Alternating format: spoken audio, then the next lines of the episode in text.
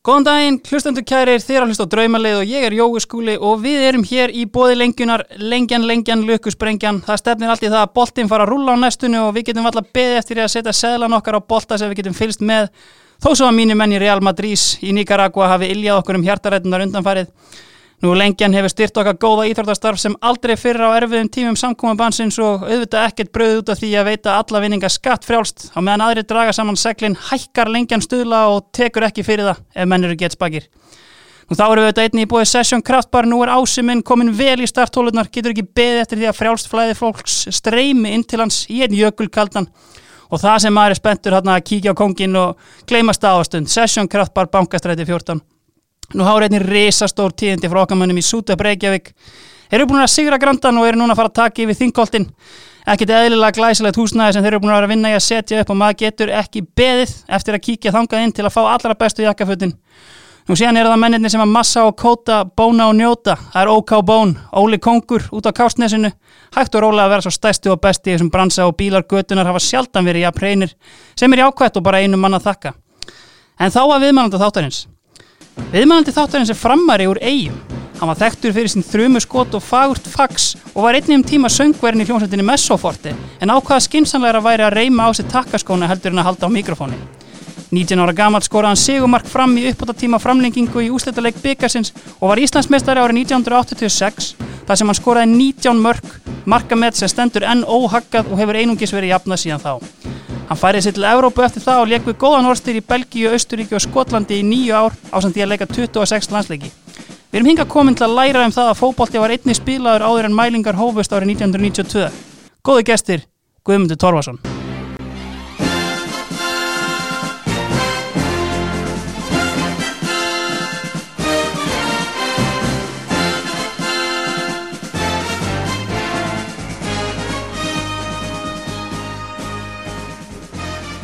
Hæ. Hvernig var, hvernig var þessi kynning? Þetta var alveg, þetta var bara dýrari tegandi. Já, algjörlega. Ég er svona aðeins laug, að, veist, en, en ég finnst alveg sangjant að tala um því sem söngvara messoforti. Er það ekki það? Jú, það var í reyni sko Eithór Gunnarsson, hann kom nú vel að orði þegar hann sagði sko að ég var búin að leiða því að vera undileikara hjá söngur. Já, nákvæmlega. Þannig að það var svona eiginlega sjálfhætt þá, bara því bandin. Já, en ég minna, var þetta hérna, var þetta svona meira svona ballstemming sem þú varst að kíkja með mér eða voru einhvern tíman uh, tónlistadraumar í eða? Já, já, maður var alltaf með einhverja tónlistadrauma og það er nú bara svona margir unglingar og ungt fólk sko, og jafnvel eldra fólk, það bara hefur músik í sér og, og vil kannski taka þátt í því á einhvern hátt, hvort sem það er að hlusta eða fara á tónleika eða spila hreinlega sjálft eða gera eitthvað. Ég var engin undirtekning hérna því að það var náttúrulega rosalega groska á þessum árum. Og, og við hérna vorum náttúrulega kynntum svo mjög ungir, sérstaklega ég og Gulli Brím og Jó Ásmunds. Mm. Við kynntumst þannig bara þegar um 12-13 ára ganlir Mm. og byrjuðum eitthvað að stinga saman nefjum og svo komu Freyri Karlsson og Eithó Gunnsson í, í þetta með okkur og svo var Ellen Kristjánsdóttir líka Mhm. og þetta var svona, Þetta var All Star band. já, já, þetta var bara mjög gaman. Algjörlega.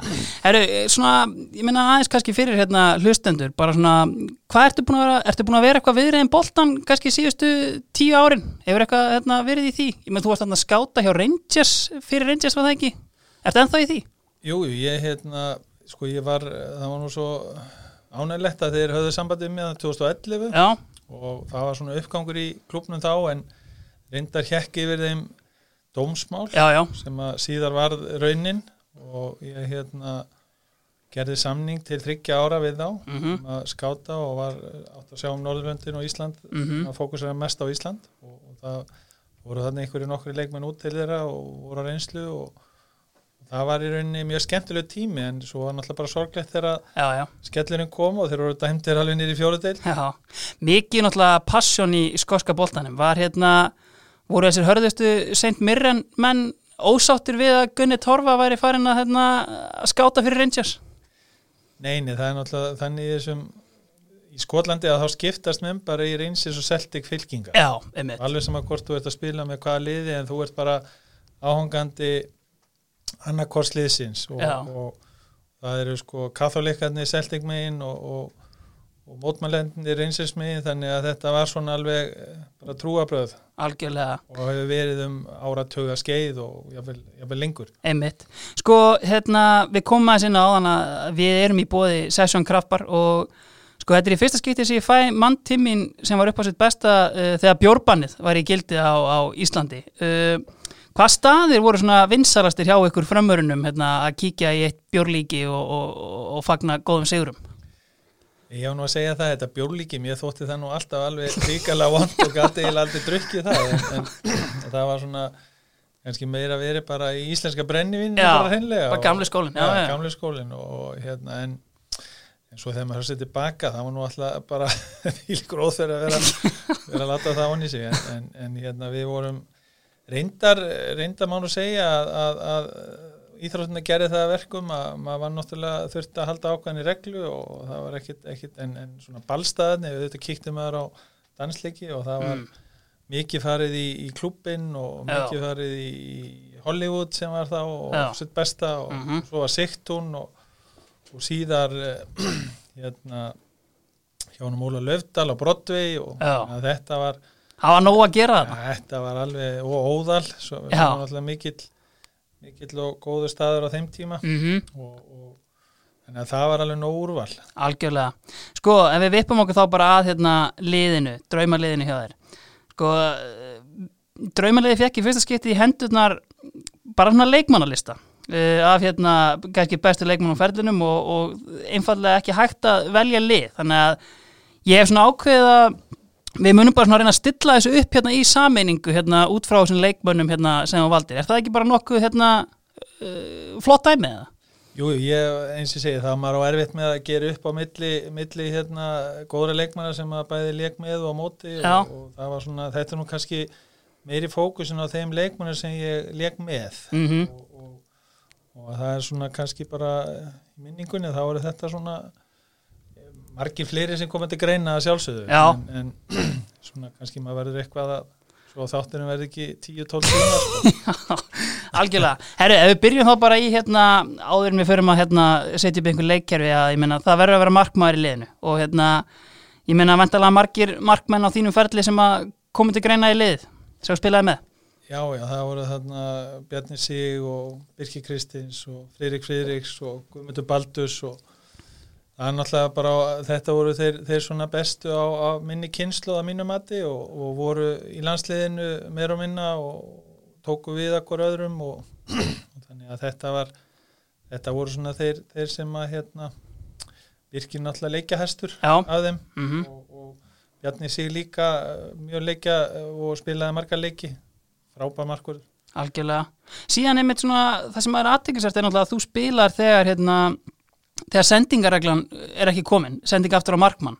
Sko, hérna, hverju voru, hvað var svona, veist, varst að horfi markmann sem að gat bara varið og síðan sparkað hérna í tegin hinum einn? Voru það svona helstu einfalt starf kannski?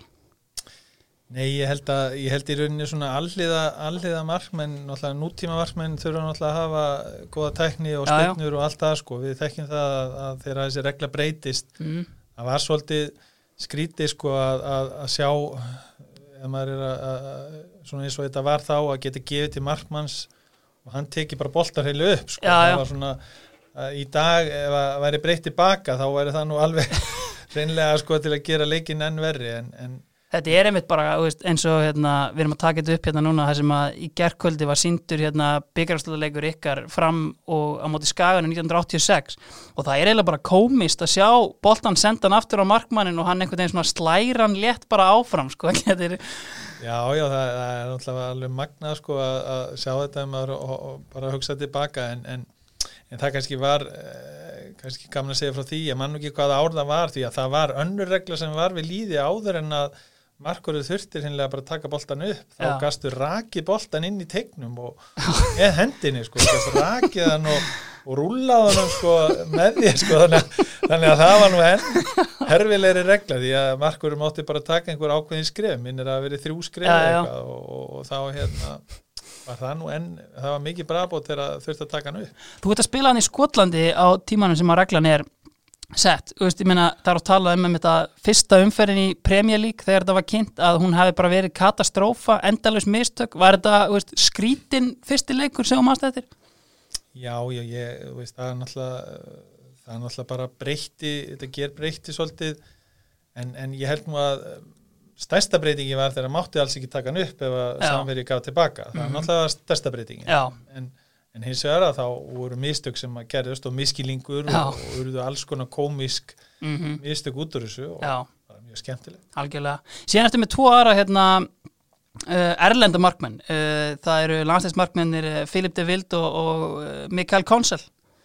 Já, þetta voru náttúrulega mikli snillingar sem ég var, var leik með uh, Filip de Vilde uh, var hjá Befurinn, kemur ungur maður uh, ungur stráku þar inn og, og ég, þegar ég byrja minn fyrir hann 86 um haustið í, í, með Befurinn að þá er hann að koma inn í markið og er að taka við af ekki, ekki sko minni manni en Sjanmari Pfaff Einmitt. sem að var náttúrulega eh, svona góðsögn í, í, augum þeirra belgana Já, já. og mjög mikill, mikill karakter og, og Filipe Vildi var svona alveg alliða góða markurður Mm og fór síðan til andilegt og, og frá Befurinn og, og stóð sér frábæli og spilaði marga landsleiki fyrir belga og, við vorum með þetta ágætis félagar. Hann, hann uh, sótti mig alltaf á modnana hann var svona settur í það hlutverk að ná í mig og Já. koma mér á æfingu að því ég var bíllaus í byrjun. Já, þannig að það var og það er svona einn, einn af þessum allra bestu að mínum að já. En síðan náttúrulega Mikael Konsel sem að, veist, kannski svona, ég meina hann spila með Róma til dæmis. já, uh, partusinn frá Hutteldorf sko, ég meina, alvöru markmaður þar hann spila hann líka með, með austuríkismönnum á, á HM og, og annað Já, ég meina hann var austurísk, austuríska landslið og, og fótboltin þar var hans hátt skrifaðar á þessum tíma því að Mhm. þar voru eh, þar voru sko eins og Rapid Vín sem liðið sem ég ég leik með að það var það var spilaði við Everton í úrslitum Júfa-keppnis 1985 mm -hmm. og, og það voru bara í rauninni þegar ég kem hann 88 þá er sko þá eru að minnir að það veri bara 14 landsliðsmenn já, í, og svona einhverjir 7-8 austuríkismenn sko. Að þetta var ansi og Kon, Mikael Konsil var bara frábær markurður og hún alltaf var stóð lengi á melli stangana og bara frábær karakter. Algjörlega, sko við förum aðeins bara í hérna, fyrstu árin í boltan með þér, ég kom inn á hann þú ert framari úr eigum, ég meina hvenær er það sem þú flyttur hérna í bæinn? ég hérna, ég var á 1971, þetta er svo langt síðan það er allar manna sko. Þetta, ég er 10 ára þá þegar ég Já. kem til Reykjavíkur. Við flytjum fjölskyldan og pappi skipti um, um, um starf og kefti fyrirtæki inn í bænum og við Mhm. fluttum með og ég ég grét alveg í fleiri fleiri daga því Já. að það var náttúrulega verið að yfirgefa, yfirgefa hérna æsku vinnina og, Mhm. og svo hérna náttúrulega tekur bara nýtt við og það var IBVF náttúrulega er bara hjartaslæðir alltaf þar sko. Já, það er það já, já, Já. alveg IBVF algjörlega Já, en einmitt sko, þetta er kannski svona fáhært í rauninni að þú veist, að því þú átti enga leiki með IBVF og hérna og í rauninni, hérna, að því sem ég ekki snært á gerðir ekki annað en að skora á mótið þú veist, hvað svona, kýtlaði aldrei að hérna, náttúrulega fram kannski einmitt í góðu svingi þegar þú ert þar en, en kýtlaði aldrei að fara aftur til leia Nei, nei, ég held að það maður var bara komin í, í ákveðin stað þarna og bara ólst upp frá 15 flokki og upp úr, það var náttúrulega engin, engin 70, 70, 80 eða Já, það var bara 50 flokkur ABC og rusli og það var svona í rauninni samsetningin á 15 flokkinum og já, ég man alltaf eftir því þegar ég er fyrstu ferðina mína upp á land. Já, þá er það þá er ég held ég 7-8 ára gamall og er að spila með 11-12 ára strákum sko. já, mann að við spiluðum í hæðakarinn á móti Viking og vunnum 4-3 já, og þetta er svona alveg stimplaði minnið á manni að, að ég man að það var fyrsta marki sem ég skoraði fyrir, fyrir IBVF já. Og bara á ferlinum. Algjörlega. Herru, uh, komin á einni á hann að hérna, ja, geymum þetta reynda bara aðeins hérna. Ef við færum okkur bara upp í, í vörnina, sko, þar ertu með hérna, ég með þar erum við með marga hérna, frábæra leikmenn, íslenska og, og erlenda, svona kannski kannski bara hérna svona einhver hérna einn á blaðinu sem varst með sem að skaraði fram úr Já, þeir voru náttúrulega svo rosalega margi góðir sko og, náttúrulega bara ég að maður hugsa um landsliði sem slíkt sko Já. og svo félagsliði hérna heima mm Mhm.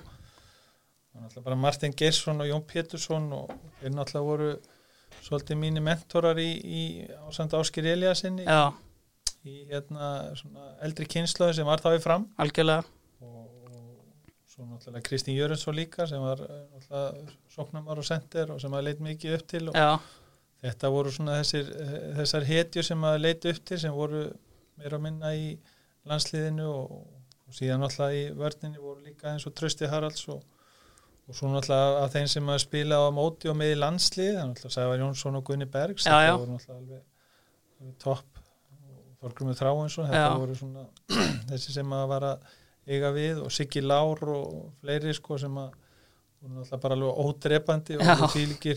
Einmitt. Og yfirleitt alltaf heiðalegi leikmenn að, að, að spila móti. Og, og það var rauninni það sem að stendur upp úr hjá mann að það var ekki eins og mér finnst þeirra miklu, miklu meira af í dag. Já, það var svona þessi eh, svona eh, tilneying til þess að gera allt og mikið úr engu og, mm, og svona. Þannig að, þannig að það þótti mér allavega við, þessum, þessi tíðarandi var menn voru að takast á mhm, og menn gáttu verið anstæðingar á vellinum. Já, svo voru bara menn bara mest um áttar eftir og, og það, svona stendur upp hjá mér allavega. Algjörlega. En þetta er einmitt svona sem framari að þá hefði ég haldið einmitt svona að fyrsti maðurinn að blaða væri slökkulismæðurinn get ekki Martin Geirsson. Sko auðvitað fyrrum fyrirlið í íslenska landstæð eins og góðsögn hjá fram þú veist, ég meina og það stórkostlegu leikmaður. Já, og þegar þú kemur inn í mestaraflokkin, ég meina þetta er kannski svona maðurinn sem þú hefði bara úst, á yngri árum verið að horfa á í, í boltanum bara já ég held að, að alla kynsluðu fari gegnum það. Þeir sem að leggja knaspinuna fyrir sig og, og sjá einhverja svona hetjur fyrir sér í, í, í, í, svona uh, efstu, eða sérst mestaraflokkunum mm og Marteinn var klárlega einn af þeim og, og síðan náttúrulega bara var, var, var bara svo gaman að kynnast þessum því Einmitt. þetta voru uh, allt sigurvegarar sem Já. voru, voru hérna bara búin að verða Íslandsmeistarar og menn vildu ná í þann titil aftur. Mm og þeir kendu manni mikið -hmm. Sko, hvenær er það sem kemur inn í mestaraflokkin hjá fram? sko ég byrjaði Guðmundur Jónsson var þjálfarið þarna 78 Mm og þá er svona er að er svona svolítið tókstrita hjá mér sko, maður var alltaf eitthvað í músikinni og Já. alls konar pælingum og hausinn á fullri ferð sko Já. og maður uh, var samt sko duglur að æfa og, hann hérna tók mig inn á meistrasæðingar um veturinn og, og þá er ég bara 15 ára að vera 16 og, og hann, ég æfið þarna eh, veturinn þá og fyrir þess að mótið 78 en, en spila ekkit í mótinu ég minni nú ég hafi eitthvað komið við í Reykjavíkumóti, kannski sem varamæður eða eitthvað, ég Mhm. man nú bara óljóst eftir en, Mhm. svo kemur 79 þegar Já, Hólbert Friðjónsson eh, sem er afi Hólbert Friðjónsson Einmitt. hann, hann kemur og, og tekur við framliðinu þannig 79 og þá er rauninni svona bara kemur hann, ég man alltaf eftir en hann ræði við mig og er mikið að spurja mig út í músíkinu hvort ég ætti nú bara að hætta þess og leggja harta mér í við æfingar og það var svona ákveðin, ákveðin svona ég segi ekki pressa en, en, en, en það var svona eh, menn, menn sá eitthvað og hann eh, vildi gefa mig tækifæri og, og gerði það. Já, og þannig að ég spila minn fyrsta mestarhólsleik í Íslandsmóti eh, 79 þið verið byggamestrar hérna framarar 79 Varstu í liðinu þá? Nei, þá, það var, það var nefnilega svolítið magnað moment því að þá hérna var nú ungi maður eins og óþálumóður að hann vildi fá að vita hvort hann þetta byrja leikinn. Já, og það var svona og, þjálfarnir sagði við mig að það var nú ekki alveg óljóst. Já, það fór ég nú bara út í Vestmanni og spila á balli með hérna hljómsveitinni og bara og bara mætti ekkit í leikinn þannig að ég spilaði held ég öllum hinnum byggarleikjurum Ok. ég var svo óþálumóður að ég hérna tókst ekki þátt í þessu rugli? Já, ég vildi bara fá að vita þetta sko. Og var bara ball í eigum sem var hérna að spila og já En síðan náttúrulega árið eftir 1980 þar spilaru heldur betur í hérna framliðinu. Ég meina þú veist, fyrir 19 ára strák að skora sigumarki úr aukarspilnu í nánast uppbóta tíma framlengingar, gerist það eitthvað betra? Já, ég minna þetta, er, þetta voru á þessum tími, þetta voru sigrar og töp og ég manna að það töpuðist líka leikir á loka mínutunum og, og loka sekundunum jável og en þetta voru sætustu sigrarnir oft er að, hérna, en vestu töpin. En, en, en hins vegar hins vegar að þá tekum við það bara út að, að þetta, þetta er náttúrulega bara óglemalega stund að þetta gerist ungur maður og það er náttúrulega bara, bara frábært algjörlega. Sko, hérna, ég hlustaði, sérst, sá hérna, Guðmundur Steinsson hérna, var í hérna, þætti sem að stötu sport gerði hérna um árið og hann talaði um Holbert Friðjónsson sem svona uh, þjálfara sem að pældi gríðarlega mikið í anstæðingunum og svona, hérna, þú veist, kannski taktíkin þess efnis og svona varnarsinna og annað. Tekur undir það?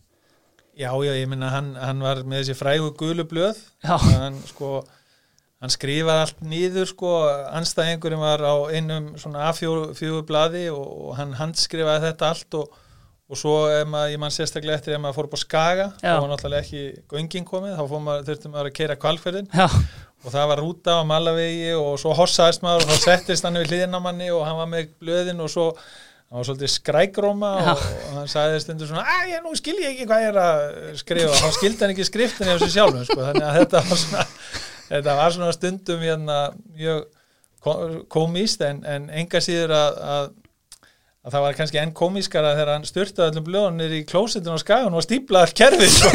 Það var nú svona kannski verða hérna, en, en Hólberg Fríðjónsson var mjög nákvæmur og, Mhm. og ég man nú eftir man nú eftir einu fundi sem hann held sko, það var fyrir fyrsta leik í Íslandsmóti allir það sé ekki bara 1980 já, þá vorum við að, var að keppa við Keflavík í Keflavík á mölinni og, og þá var eh, mjög aflöfu markurur sem ég reyndar eh, spilaði ekki með Þorsteinn Bjarnason. Já, frábær markurur, Mhm. mm -hmm. markurur til margra ára. Mhm, og, og hann hérna er rauninni sko fundurinn gekk bara út á það að það mátt ekki skjóta uppi, ekki niðri ekki gefa hátt og ekki skjóta maður og þá spyr, spyr bara eitt sko bara í hóknum, bara eigum við þá nokkuð að vera skjóta svo þegar við komum í Keflavík að þá þá vildi svo til að Þorsteinn Bjarnar var meittur Já. spilaði ekkert leik en það var búið að halda heilan fundi um Þorsteinn Bjarnarsson þannig að svona, svona gatan stundu bytti í sig og það var útileikmaður sem leik í Gísli Torfarsson, hann var í markinu og þetta var mjög, fannst okkur að hann já. En hvenær er það hérna, ég meina að þið farið síðan aftur í byggarslundin 81 og hérna tapið gegn IBVF í rímats frá árin á undan. Hvenær hérna, og síðan falliði 82, já, fallið er hátt þarna frá, frá byggarleginu fram. Hvernig er svona hérna, hvernig svona strækaði sá tímið þig, veist, hvað gerðist eða hann að þú veist, liðið fór úr því að vera að vinna byggartitla í það að falla? já, þetta er náttúrulega alveg svaka góð spurning því að þetta gerist bara hjá mörgum liðum og það er oft, oft ekkit það þarf ekkit endilega að heita að þessi heimsendir þó að lið falli. En hins vegar á þessum árum að þá þá var þetta bara áhuga mennska, pjúra áhuga Já, það var ekkit verið að borga leikmunum fyrir, fyrir hérna allavega, ég fekk aldrei greita krónu í, í, í mínum, mínum ferli hérna heima. Ekki fyrir en ég kom setna bara í þjálfun. Já, og, en, en hérna þetta, eh, það gerist þarna í kynnslóð, þarna eru þessir gamlu, eða eldri, þeir voru náttúrulega ekki gamli, Nei, nei. þeir voru bara rétt um 30 Já, já. Og, og þá voru þeir bara hætta.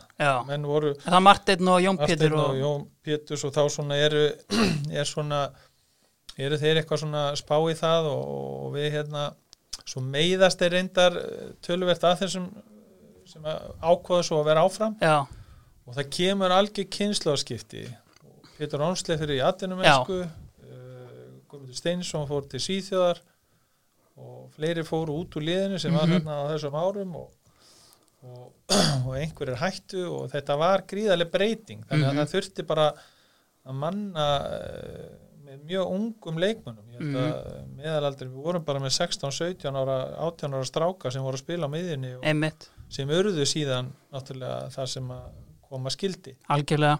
Og þetta var kannski svona blóttakan sem að við reyndar, reyndar var, var kannski óþar að falla en Já. við hérna allavega, ég menna það gerðist Já, já, og við hérna bara komum tvíeldir og unnum mótið mjög samfærandi í næstæstu deild þá, það var önnu deild sem við þá árið eftir og, og svo bara komum við sterkari til leiks og hvenar tekur Áskir hérna Eliasson við liðinu? hann kemur hann 85 Já. þá, þá er rauninni eftir það kom þannig að pólskur þjálfari sem að þjálfa okkur á árunum 82 og 3 já, og ég lærði reynda mest uh, svona tæknilega af þeim svona, hann bætti minn leik rosalega mikið, ég var á Mhm. einstæðin sæðingum hjá honum og var á vaktavinnu og svona hentaði mig mjög vel að geta Já. þjálfað þannig að þetta var, var svona í rauninni, rauninni bara mjög, mjög skemmtilegur tími þó að, þó að það hafi, farið hann niður um deild. Algjörlega. Síðan náttúrulega aðri leikmenn, ég meina ef við horfum út, út fyrir landstöðununa ég meina við erum hérna með uh, Úkrænumannin Getheka Sergei Baltaka eða Baltacha, Já, ég meina spilaði með honum í, St. Mirren eða ekki, Nei, hann var St. John's eða St. Johnston já, ég meina alvöru leikmaður.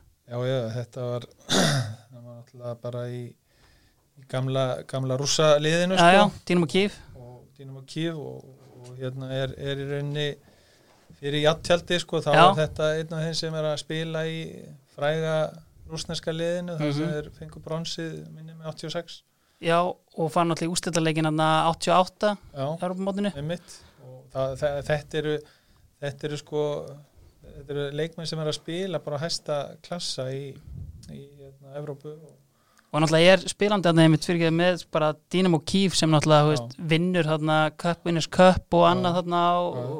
uh, in the 80s þannig Já, að, já. en hvernig var svona hérna, ég meina gæði sem kemur einmitt frá kannski sökkvandi skipi í Sovjetríkjunum og, og svona mm, færi sig yfir, hann fór eitthvað til Ipswich í millitíðinni Já. áður en hann kemur til Skotlands var hann svona, var hann mikið að embracea andkommunista kultúrin eða var hann bara svona svolítið út af fyrir sig Já, hann var þetta bara svona, svona hvað getur maður sagt, bara svona liberals strákur sko, Já. var í rauninni ekki bara skildi það að hann var bara komin í allt annað umhverfi og þeir sem að fólki sem að kynnti sem að var frá þessum þjóðum sem voru fyrir austan tjald þetta, eins og tala var um og kalla var að, þá hérna var þetta bara alveg mjög frábær náungi en, en ó, þetta, þetta fólk var bara með annan hugsunahátt því, því að það það er rauninni sko allt í hennu komið í þennan vestrana heim sem var miklu meira frelsi og, og annað, annað lifistandard oft á tíðum en, en sem persóna var hann alveg magnaður og frábær leikmaður sko. já, algjörlega síðan kannski, ég meina, spila náttúrulega með hérna, einmitt í sent minna líka K.R. góðsögninni David Vinny áttur einhvern þátt í því að hann kom inn til landsins eða? Nei, reyndar ekki en, en hins vegar sko höfum við alltaf verið mjög góða vinnir og, og hann hafði stundu sagt að vimmi að vera nú gaman að hérna, koma hérna til Íslands og, spila einhvern tíman en, en Vinni var náttúrulega bara alveg frábær leikmaður, mjög góða vinnur minn í dag og er hérna, er hérna fór til Aberdeen á sínum tíma og, Mhm. og, og hérna spilaði þá, þá er eh, sko skosknaspirna á þeim stalli að reynsir sér að, að, að spila undanústaleik á móti Marseille 91 já, um, Champions League mhm byggarinn sko Já. og, og þeir töpuðu þar og, og Marseille fór á hann að símilan í Já. þannig að, þannig að eh, Aberdeen var að, að, að, að, berjast í reynsis og Celtic á þessum tíma og, og þá, þá það segir nú svolítið um, um svona hvernig David Vinni var metin þann. Já. og, og rosa fengur fyrir, fyrir K.R. Alveg klála, einmitt og ég meina kannski, hérna, mínir menn valsararnir Sævar Jónsson og Guðni Bergson snertum aðeins á þeim áðan en spila náttúrulega með þeim í landsliðinu en ég meina, vantalega grjótarðir að mæta hérna í dildinni heima Já, já, þetta voru náttúrulega bara menn sem að gáðu allt í, voru bara eh, topp top leikmenn og góði vini mínir í dag og eru bara utan vallar og þetta er, þetta er hérna strákan, það var bara eins og, eins og ég kom inn á þetta var bara tekist á inn á ellinum og það var á góða, marga góða vini hvað sem það valur, skæin, káver alveg bara út um allt viking þetta er Einmitt. mikið af félögum og vinum sem er á í gegnum tíðina. Algjörlega. Vendum hvað er þokka þá í kross og hérna uh, fáum spurningu frá styrtaralum okkar í Sútabreykjak uh, á leiðinni frá grandanum. Uh, Var það einhver tíman á ferlinum bara svona overall, hvort sem er í Európu eða Íslandi sem að þú varst bara mættur inn í klefa, sastar inni og innlappaði einhver maður kannski trekk í trekk í afspilnur ljótum fötum. Svona verst klætti leikmaðurinn sem þú kynntist á ferlinum Já, það var, það var hérna þeir voru alltaf alveg svakalegir hérna í Östuríki, þeir voru alltaf að blása sér hárið. Ég bara í rauninni hérna, ég var nú með sítt hár hérna og, og margir með sítt hár og, og, en, en þeir fóru alltaf eftir æfingar að þá fóru þeir hérna ég manna Mikael Konsel gerði þetta alveg svakalega mikið var svo í einhverjum oft komið svona skröðlum göllum og, og alls konar hérna fatnaði þannig að menn voru ansi mikið á, á, á hárblássarann algjörlega. Ég fekk reynda sekt sko fyrir það að hafa ekki blásið á mér hára ég, ég bara trúði ekki að þjálfarnir sagði það við mig að ég hérna komandi frá Íslandi og hristandi hausinn bara eftir styrstun og fara bara út Já. í, út í veðri hvort sem það var fimmstega frost eða fimmtastega hiti það var bara, bara hrist hárið og, og bara út með þig. En hann bara stoppaði mig og sagði þú bara ef þú blæst ekki hárið annars farið kvef og þá getur ekki æft og þá bara sekta ég þannig ég þurfti að fara að blása hann svona nú Algjörlega. Herðu, uh, ef við færum okkur þá bara hérna upp á miðjuna, ég mun uh, gera þessa vörn upp uh, á eftir. Ég meina, þetta er náttúrulega, hér komum við í hérna rjóman á kökunni. Hérna eru alvöru leikmenn. Ég meina, kannski bara erfitt, náttúrulega, ég skil núna alltaf meira og meira hvernig þú átt erfitt með að stilla þessu liði upp, sko. það verður eiginlega 22 manna En ef við byrjum bara til dæmis á hérna, þessum íslensku miðjumennum sem við spilaði með og veist, ég meina ef ég ætti náttúrulega veist, að fara inn í hausinn þinn og velja draumalegi þitt þá hlýtur náttúrulega einn af fyrstu mannum að blaða að vera Pétur Ónslef. Já, Pétur er náttúrulega klárlega einn af, einn af mínum uppáhals og bestu vinnum í gegnum tíðina Mhm. og við fylgst það í gegnum árin og kynntu sem unglingar og, og hérna klárlega alveg einn af okkar allra bestu miðjumönnum bara fyrir og síðar sko. Hvernig er mitt svona, veist, ef hann var að spila í dag, veist, er þetta meiri tíja eða átta eða, eða hvernig svona, veist, hvernig leikmaði var hann? Hann náttúrulega gætt hægt og auki hraða á leik sem var, eh, það er bara ekki öllum gefið og heldur Nei. ekki í dag. Hann gætt bara stjórna leiknum Já, og gætt bara í rauninni róa leikið niður, hann hjælt boltanu gríðarlega vel og, og, og bara var með fína sendingar og svolítið að gætt verið með úslita sendingar og bara klókur og bara tæknilega bara afbyrða knarspindum maður og, og, og einnig mjög góður og skallamaður já, mjög aflugur í því skoraði náttúrulega hauga mörgum mitt, sko. Síðan mitt, sko, ef við förum í aðra, hérna, veist, náttúrulega, eh, kannski sá besti fyrir eldri kynslaðana Ásker Sigurvinsson í landsliðinu. Sko, er alltaf talað um að Ásker hafi einhvern veginn svona lítið komist í landsleiki. Náður mörgum leikjum með honum eða? já, já við spiliðum alveg en, en sko tíðarandinn á þessum tíma var það var náttúrulega bara sko félagsliðin voru með völdin. Já, og það var ekki komið þetta sem að International leikdagar mönnum var bara stiltu fyrir dittnar og ég mista fullt að leikin þannig. Og já, það var í rauninni hérna bara var sagt um hann að þú átt bara að spila þannig leik það var kannski leikur sama dag. Já, það var ekkert samræmi milli deildana í Nei. Evrópu og, og, og hérna landsleikja eða, eða UEFA eða FIFA þetta var svolítið skrítið og, og, og hérna áskýr hann alltaf bara algjör toppmaður, leikmaður á hinsmæleikvarða og, og í rauninni bara alveg unnun að fylgjast honum en, en síðan alltaf bara með landslið þá, þá var þetta bara þannig að það var alltaf ákveðin partur af, af, af leikmannum sem að spila hérna heima og oft voru við að spila snemma á vorin og sent á haustin kannski í november mm og þá náttúrulega voru kannski fáir lausir til að fara. og, og ef að ef að atvinnumenn eða einhverjir sem áttu þá að vera í kannski einhverju betra formi Mhm. komast ekki, þá kannski þetta mannaliði meira heimamönnum. Mm og það er rauninni bara var svo mikill munur á bara, bara standinu á leikmannunum Já. og getan hafi klárlega verið til staðar og fullt af góðum leikmannum ég meina það eru svo margir leikmenn eins eins og, eins og hérna við vorum að stilla þessu svo vorum við bara í vörn Já, og við vorum að elda boltan já, og það var eh, ekki komið þessi, þessi þróun þó að við höfum kannski verið í því að brjóta ísin í að komast lengur og lengra og nær kannski miðlónsliðunum Mhm. og kannski geta unnið lagarlið en við vorum og, og, og kannski klóraði bakkan í, og það voru oft sem að komu frábær úrslit sem við náðum og, og við hérna, unnum, unnum leiki gerðin jættefli eins og í Mosku Einmitt. mótið þessu rúsneska liði Já. sem var náttúrulega alveg stórfenglegt hafði ekki tapast í í, í Sovjetríkunum bara í mörg, mörg ár. nei, nei, einmitt. Já, ekki í móti, ég held að hefði, hefði aldrei ég held að hefði ekki tapast í í mótsleik nei, einmitt. En síðan einmitt sko ef við fleiri miðjum en náttúrulega, ég veist, þú spilaði náttúrulega með Ásker Eilesinni þjálfari, var hann góður leikmaður? Bara, já, Áskir var náttúrulega alveg frábær sko.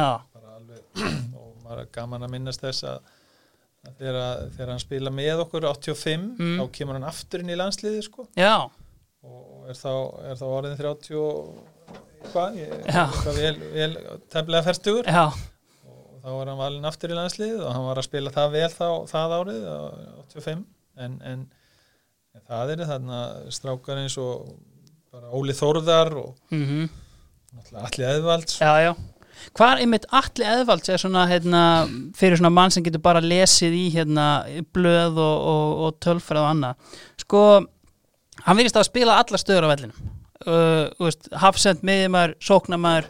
Hvar var Atli bestur að þínum að þið? Já, hann náttúrulega bara breyti sinn leikmaður, hann náttúrulega er svolítan leiðtogi og, og var náttúrulega alveg ótrúlega mikill karakter og þessi, þessi kynslo sem kemur hann inn í landsliðið á, á, í kringum hann og þá í rauninni verður svona eh, bara eh, það mynda svona ákveðin stemming og við náum ágætis úrslitum, við erum þannig til að mynda eh, að mér minnir sko 88 þegar við erum að, að berjast við að komast á í Europakernina Mhm. þá, þá erum við ekkit langt frá því Nei, við erum bara að keppa við Austuríki um annarsætið já, við, að og gerum jættefli við rússana og, og vinnum svo normenn í báðunleikum einmitt. og, og hvort að Tyrkir voru ekki líka Tyrkir voru gerum já. jættefli úti og Austaþjóður, þetta, þetta voru náttúrulega svona, þetta voru ekki smá lið sem Nei, vorum nei. að spila oft við við, við, við vorum bara litla Ísland og, og hérna, það, það náðust alveg úrslit og, og við hérna til að mynda, tvö- ég tapaði aldrei fyrir til, Nei, einmitt. En einmitt þegar maður hugsa í þetta, ég veist, lið kannski skipað, kannski meira hluta áhuga mennsku og síðan nokkri toppar úr atvinnumennsku, þú veist, voru kannski gæjar eins og til dæmis Atli sem var náttúrulega, þú veist, mjög vókal og svona, þú veist, kannski svona, einmitt eins og segir leiðtói, var, veist, fannstu fyrir því að hann væri svona, er veist, hvað er í gangi hérna, leinir boltar og svona, veist, að kvarta svona, eða, bara reyna að hækka standardin á því, kannski sem landsliði var. Já, ég held að það verið og svona þegar Siki Held kemur inn, í, Einmitt. inn sem landslýþjálfari og, og náttúrulega tengdi vel við þá sem voru að spila í Þískalandi og Mm kom í rauninni svona kannski þó að allir þjálfarandi þá undan uh, þar á undan höfðu náttúrulega verið að gera sitt besta með, með alls konar. Þá setti Siggi Heldsson ákveðna formfest í þetta og var með alveg svakalega naga. Já, og kom alveg sko alveg gjörsanlega við vorum, við vorum margir hverjir voru ekkit sátti við þetta, það var ekki frelsi sko. það var bara þú ættir að mættur já, og það var bara allt saman punktlík sko. bara, bara á mínútinni og menn Ólu stolti upp við þetta hjá honum og kynntust svolítið svona hvernig enda hafði Siggi Held náttúrulega spilað í, í tveimur eða þremur já. heimsmyndstarakennum með Vestískalandi Mhm. og, og hérna náttúrulega með gríðarlega reynslu og ég held að það hefði verið ákveð, ákveðin fengur að fá hann þó að, þó að í sjálfur sér svo er bara einhver, einhver leikmannamál sem að um, einhverju lendi útstöðum við hann, aðrir ekki mhm,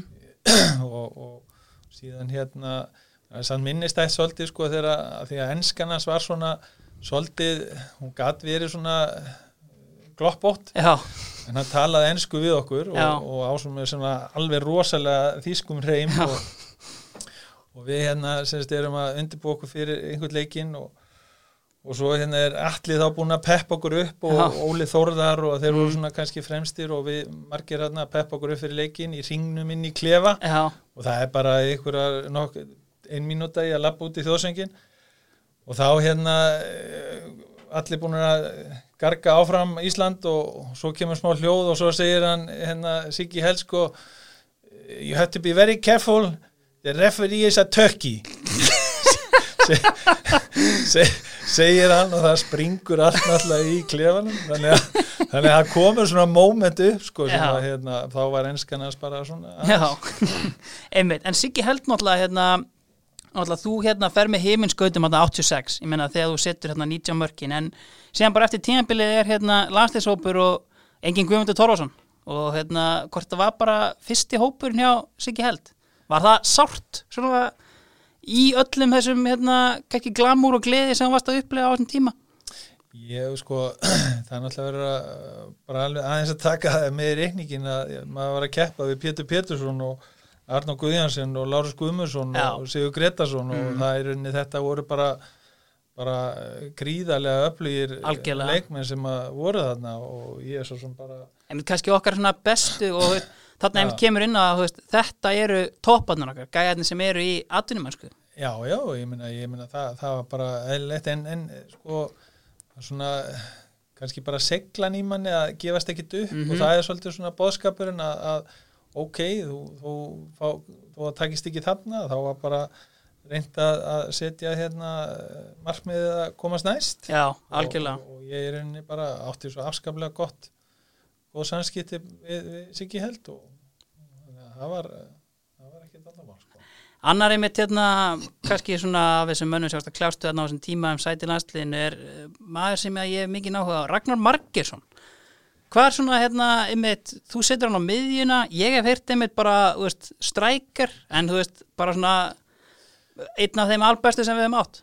Eða hvað? sko Ragnar Margesson er alltaf bara mjög hérna vorum mjög góði vini, vorum, vorum í unlingarlandsliðinu, vorum við stundum saman í Herbyggi Já. og, og, og hérna náttúrulega að mínu mati og margra annara eitt, eitt mesta talent sem hefur komið upp hérna í Íslandski knaspinu Já, hann öðri sig en aðri leikmenn, eða? Já, hann var bara svo, var bara svo gríðarlega sko, líkanlega sterkur strax og eins og Arnur Guðjónsson þeir voru, þetta voru strákar sem voru bara unglinga, þá voru þeir bara full móta þannig sé, þeir voru bara svo miklu miklu hérna stæltari en flestir einmitt. aðrir í kringu sig og, og maður sá það alveg langa leiðir ég var bara títiprjót sko.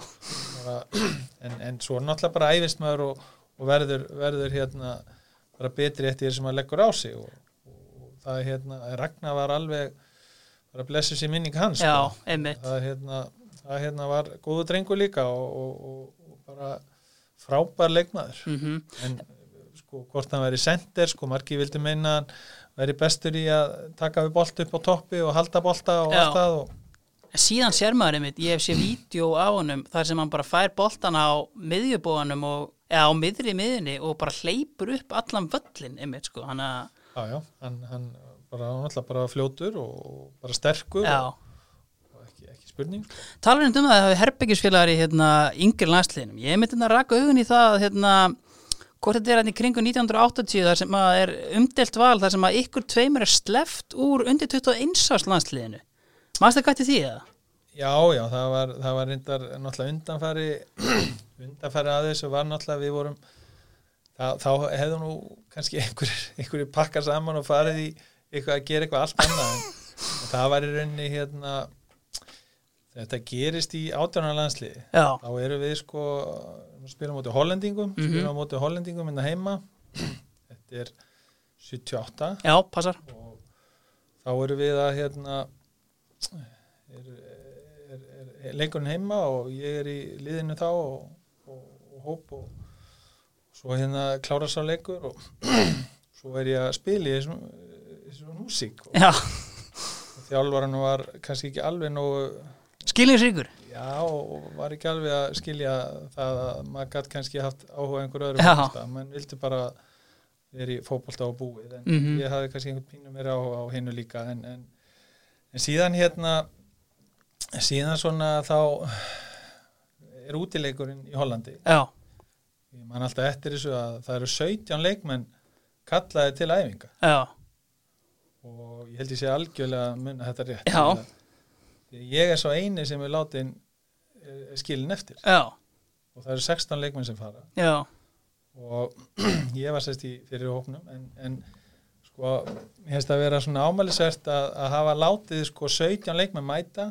Og það var búið að setja inn vegabrifin þá þurftur sko í, í þess, þessum tímu þurftur að leggja inn vegabrifi sko mörgum vikum áður líka Já. við og þú þurftur að segja inn gjaldiri og það var bara höft hérna í landinu Já, já. og menn komist ekki það sem þið vildu. Þetta þannig að, þannig að það var búið að gera það allt en svo bara var mér afhengt vegabrifi ég man alltaf eftir inn í, inn í klefa á meðlavellinum og, og, og, og þá bara lagniðu tár. Já, ok, og, og þannig að í rauninni sko svo er ég kallarinn á kontor og, og mér var bara, bara útskýrt af hverju þetta var og það var engi, skýringi sjálfur sér sko. ég vissi það alveg að það var ekkit vel séð að maður væri og þá, og þá var kannski haldið að maður væri einhver óreglu en á Já, þessu já. tíma sko, þá var engin ekki til í dæmin sko. Nei. ég var að fókusera og þó ég var að spila einhver ljómsitt þá það bara, einmitt en, en svona var þetta og, og, og svo förum við til Finnlands árið eftir já, og þá svona hérna, er, er ég valinn og við hérna förum og,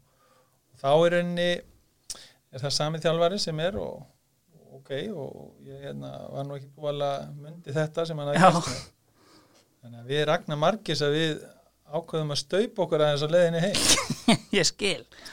Það var svona ekkit allt og vel en líka áttu við ekki að gera það? Nei, nei, Það já, alveg- en hins vegar er þetta svona eftir á að hyggja þá er þetta svona bara í sögulegu sjónar miði að þá hérna Raggin alltaf á Keflavík og stutt að fara fyrir hann í, í, í bíl eða var sóttur bá já, ég var skilin eftir utan fór í bæinn já. og ég þurfti að láta sækja mig þannig að það þannig að og svo vorum við bara settir í bann og þar var eitt forraðamaðurinn hjá KSI að hann sagði við mig að ég myndi aldrei spila í landsliði fram Já.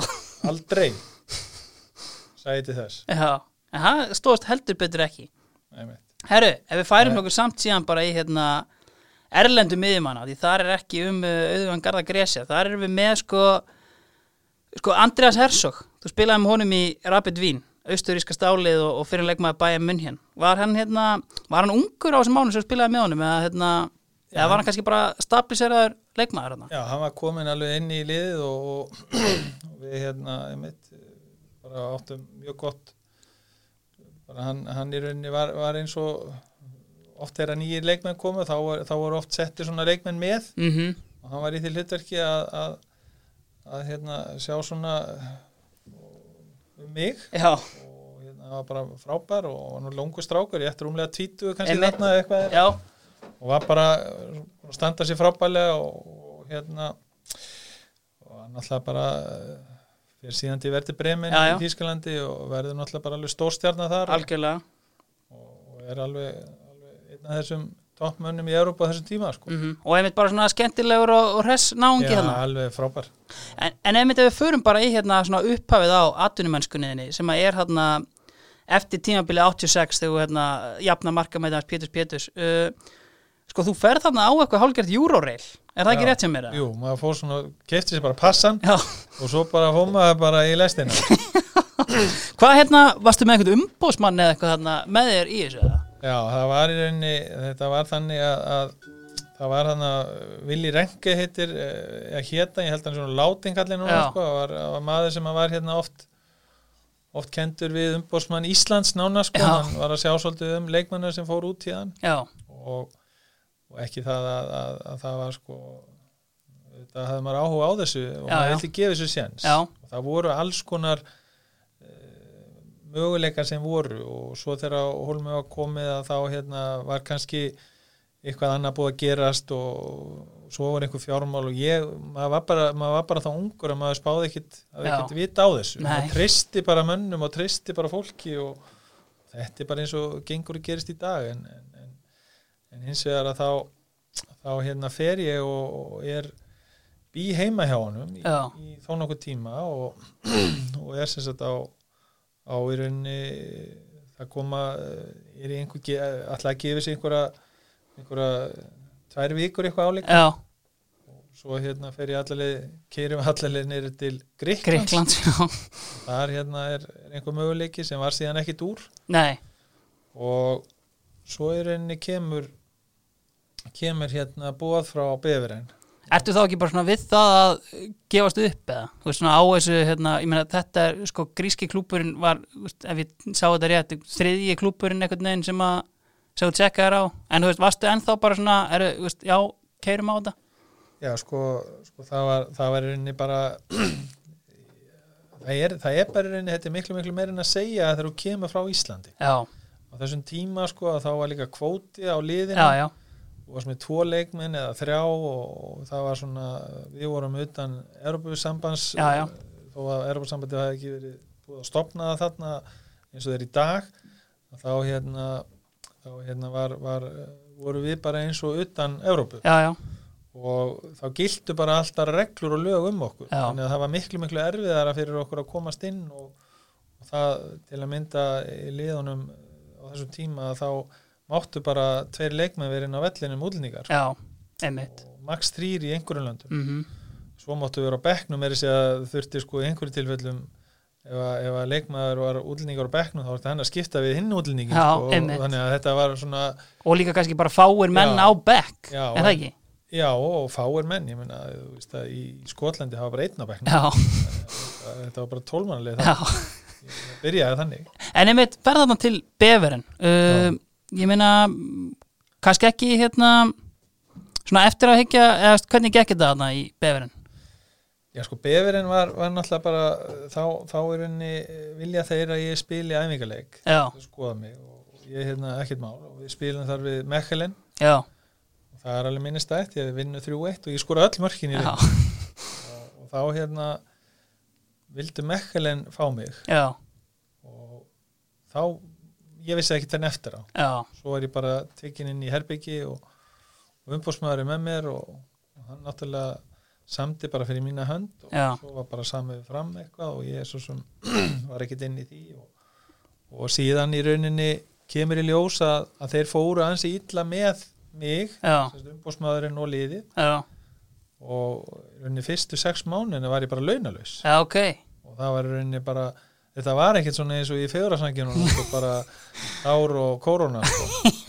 þetta var í rauninni bara hardcore bara virkilega og ég það er samt minnist að þegar ég fer á fyrstu æfinguna því að þá er ég kefti til þess að taka við taka við hérna sem sagt eh, sæti hjá einu leikmanni og þar fyrir er David Fairclough sem var hjá Einmitt, Liverpool, Það var Liverpool, algjört legend Já. sko, og super sub. The super og ég hérna hann tekur mig svolítið undir sinn vendavæng sko. Mm ég fæ að borða hjá hann á stundum og og þannig að þetta var ekki alveg glamorinn sem að þetta Nei. leit út fyrir að vera. En, en hins vegar það sem gerist í þessu er að, að, að, að við sko við það að, að eh, sem sagt liðið liðið sjálfur sér sko gengur rosa vel, við erum að keppa þarna í efstu sætonum, við erum að keppa við andilegt og Já. bruggi og erum bara jafnir held ég um jólin og Já. ég er að spila alveg Mhm. reglulega í byrjun og,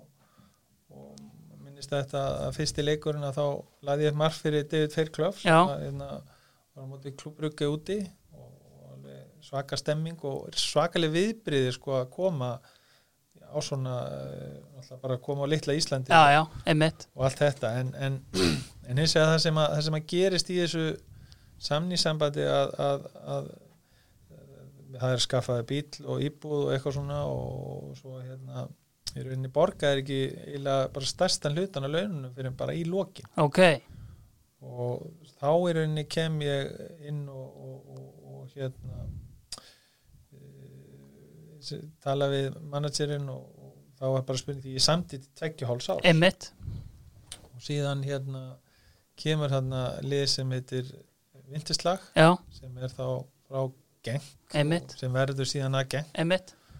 Og þeir koma og vilja fá mig og ég hérna ákveða að slá til og, og, og hérna eh, og er þar í eitthvað tæp tvö ári, eitt og hálft eitthvað svo leiðis Mhm. og, og hérna fer síðan til Östuríkis þannig að í rauninni var þetta svona þessi tími var svolítið mótandi hjá manni að, viðbriðina bara læra inn á þetta já, kannski að læra inn á þetta og, og rauninni taka þessu mótlæti og Mhm. bara ekki gefast upp, herðast við þetta og, og þannig að þetta var áhugaveru tími og, Mhm. og bara í rauninni mjög svona skrítin í sjálfu sér Já, en ef þú kemur inn á að vindislag verður hérna að Racing Gang uh, Já. og hérna og á þeim tíma náttúrulega vantarlega er samningur að því að liðið, veist, þetta eru saminu tvö lið Mhm.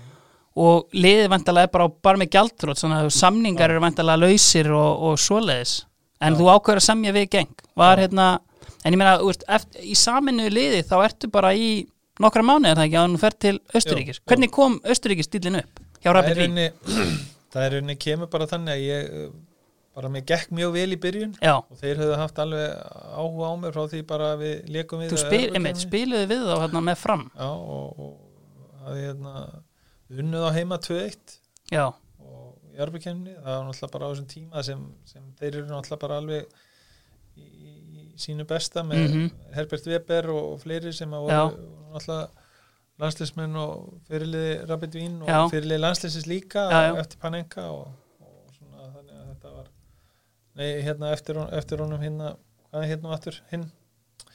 Panenka var með okkur í, í byrjun hann Rabbit sko. Já. og svo var hann farin eitthvað annað. Já, og, og, og, og svo ertu með hérna ertu með hérna eh, sko við erum að, við erum að tala um að þegar sammenningin á sér stað mhm, þá, þá verður svona eh, ákveðin hluti beggja liða, þetta var vinterslag og vatiskeið sem að fara þarna fara þarna saman í Racing Gang mhm, og þetta var rosalega mikið pólitík því þetta skil. er mikill áhugaðna á þessu svæði. Já, mikið af ítölum sem er að búa þarna. Já, og, og alltaf skarast við Þískaland, svona Mhm. Limburg sem er hann uppi svona eh, hérna austanmegin í Belgíu mhm, norð, norðaustanmegin. Og þetta er í rauninni bara gengur bara rosa vel í byrjun og ég skora tölvært að mörgum hann í upphafi mhm, og svo bara verður að þeir ákveða að selja mig, fá Mhm. bara gott verð mhm og, og ég hérna í rauninni slætt til bara Fekstu góðan samning hérna loksins í Östuríki eða? og gengt líka var bara alveg Já. mjög fínt sko þannig að það var í sjálfu sér bara maður að læra þarna af, af þessum Já. svikum hérna Já, að það, það var í rauninni bara svona þetta, þetta var oft svona í Belgíu. Já. það voru ofsalega hérna menn, menn gáttu á þessum tíma og, og víðar, einmitt. ekki bara í Belgíu. Nei, að passa sig. Nei. En ef við förum þá í hérna þá sem að massa og kóta bjóna, bóna og njóta það eru styrtaræðan okkar í OK Bón eh, Sko, á þínum tíma í boltanum þá eru menn almennt mjög vel hærðir og ég meina saman bara sjálfa þig og, og menn eru blástnir þarna í Östuríki en áttur þér einhvern tí, svona uppáhalds sköllótta bónaða samherja á ferlinum? þeir voru nú mjög fáir Já. það var náttúrulega það var náttúrulega hérna já þú segir nokkuð bara svona bara eins og Skrattin og söðalegnum? já, já, Ah, já. Ég, ég, það, er, það voru nú bara ég, ég man nú bara vall eftir einhverjum, einhverjum vel svona bónuðum leikmannur sem spilaði á móti Nei, við getum meldt það eins og, og komum kannski sterkir hérna setna inn í það. En ég meina þarna í Rapid Vín eins og ég var búin að koma inn á Andreas Hersog og síðar náttúrulega hérna síðan náttúrulega Slatko Kransjar, pappi Níko Kransjar og fyrir um landslistjálfari Króata. Var það toppleikmaður? Ég meina hann er hérna, er hann ekki stjarnan svolítið í liðinu hérna á þessum tíma? Jú, hann er, hann er alveg hann er stjarnæði náttúrulega voru, voru náttúrulega Konsel, Weber Já, það voru stórn öfnana og svo náttúrulega var náttúrulega oft, oft í kringum Kransjar var, var náttúrulega bara var stórkostlega leikmaður, Já. kampmaður og öskufljótur og, já, og tekniskur og, og hérna var, var mjög, mjög flottur leikmaður algjörlega. Sko, hérna, ef við höldum bara áfram hérna með, sko, sko síðan ertu náttúrulega, stoppar kannski ekki lengi í Rapid Vín. Uh, þú ferð bara þarna, þú kemur í það sem að væri kannski í dag, janúar klukkin, en þeir voru náttúrulega ekki til þarna, en, en hérna, komum hösti sko Já, er það? Já, og, og, og byrja, byrjaði þarna í oktober eitthvað álíka já, ok, Að það var bara öðru sér reglur á og svo, svo var einhverju nokkri leiki fram að já, þeir enda tímabilið í, í hérna e, desember, já, mið, miðan desember þá takaði langa pásu austuríkis með það. Já, Austurríkis með já, það. já, og, og, og Sviss líka þannig að þetta, þetta var svona hérna, svo fer ég bara þarna eh, um, um sumarið og Mhm. þá kemur allt í innu þetta bóð það voru eftir, við vorum í við Östuríki og, og fleiri lið sem vorum að spila þarna mhm, um vorið. Og, og síðan hérna kemur það bara það voru það var umbósmaður með sem var austuríkismadur já, sem hafði, hafði sett, búið að setja sér samband við hann einhverju, einhverju nokkur nokkur sem voru mögulega höfðu áhuga en Já. síðan hérna hvað er áhuga og hvað er ekki. Já, já, svo þegar hólminni er komið að þá hérna í rauninni sko var þetta niðurstaðan? Já, það voru tveir möguleika, það var Celtic og það var Sintmir já, og kannski hérna, já, einmitt, Celtic, hvernig hérna, hvernig kemur þá til að velur Saint Mirren? það voru bara, bara tilbúið, það var bara allt og gott til þess að til þess að sleppa því sko. það var reyni það sem að talaði sko. það var bara eins og Máltæki segir. Einmitt skoski boltin, við erum komnir í hann. Sko, uh, tók eftir hérna seint mér en uh, hvort það er fyrsta tímabilið uh, lendi neðarlega í deildin þetta er náttúrulega algjör pakki þarna. Þetta er eitt lið sem skýtfellur og, og síðan eru bara einhver tólf stig frá efsta nýri næst neðsta. Hvernig Já. svona einmitt hvernig fílaður þið eftir að hafa verið svona í svona continental bolta að fara í Skotland?